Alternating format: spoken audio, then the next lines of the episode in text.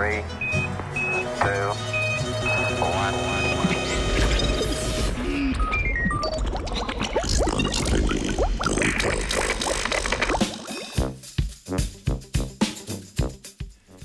Komunalne odplake niso zlato in zlato niso geni odpornosti proti antimikrobnim snovem.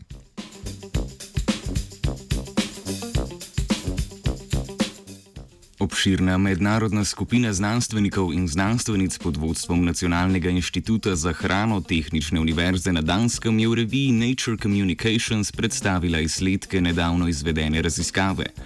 V raziskavi so v neobdelanih komunalnih odplakah iskali bakterijske gene odpornosti proti antimikrobnim snovem in tako skušali oceniti njihovo vsebnost v zdravi populaciji prebivalcev.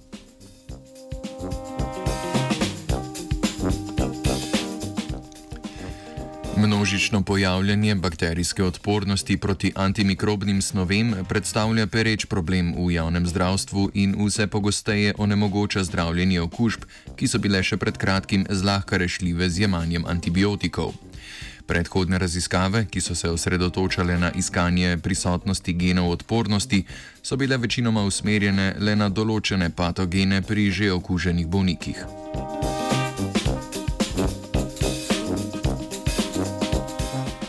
V omenjeni študiji so želeli pridobiti reprezentativen vzorec bakterijskih genov odpornosti proti antimikrobnim snovem in imenovanih tudi rezistom, ki izvirajo iz zdrave populacije prebivalstva.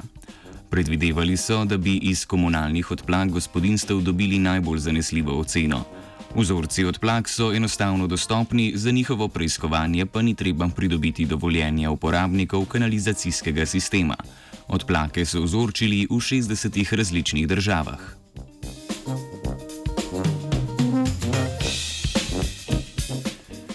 V vzorcih so določili gene iz več kot 1500 bakterijskih rodov. Prevladovali so predvsem rodovi fekalnih bakterij, visoka je bila tudi vsebnost okoljskih bakterij. Največjo osebnost genov odpornosti proti antimikrobnim snovem so odkrili na afriškem kontinentu, največjo raznolikost med geni odpornosti pa so zasledili v Braziliji. Najmanj je bila osebnost genov odpornosti proti antimikrobnim snovem zastopana v oceaniji.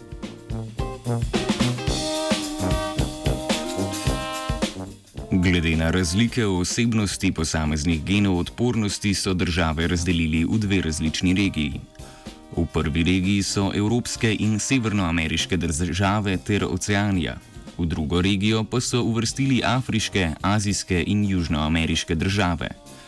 V drugi regiji so odkrili večjo vsebnost genov odpornosti proti tetraciklinom, aminoglikozidom, sulfonamidom in beta-laktamskim antibiotikom.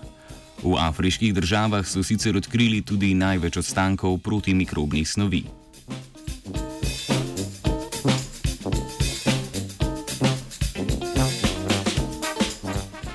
Predvidevajo, da so opažene razlike med regijama posledica različne sestave prehrane med prebivalstvom obeh regij in razlik v dohodkih ter stopni indeksa človekovega razvoja med primerjanimi državami. Z njim opisujemo predvsem življenjsko dobo, stopnjo pismenosti, izobrazbo in življenjski standard posameznikov.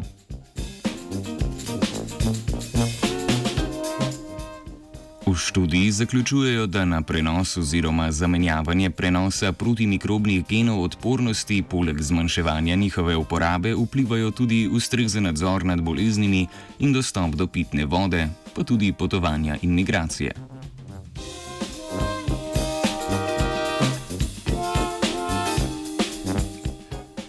Kosovelove verze je med brodenjem po komunalnih odplakah premlevala Nataša.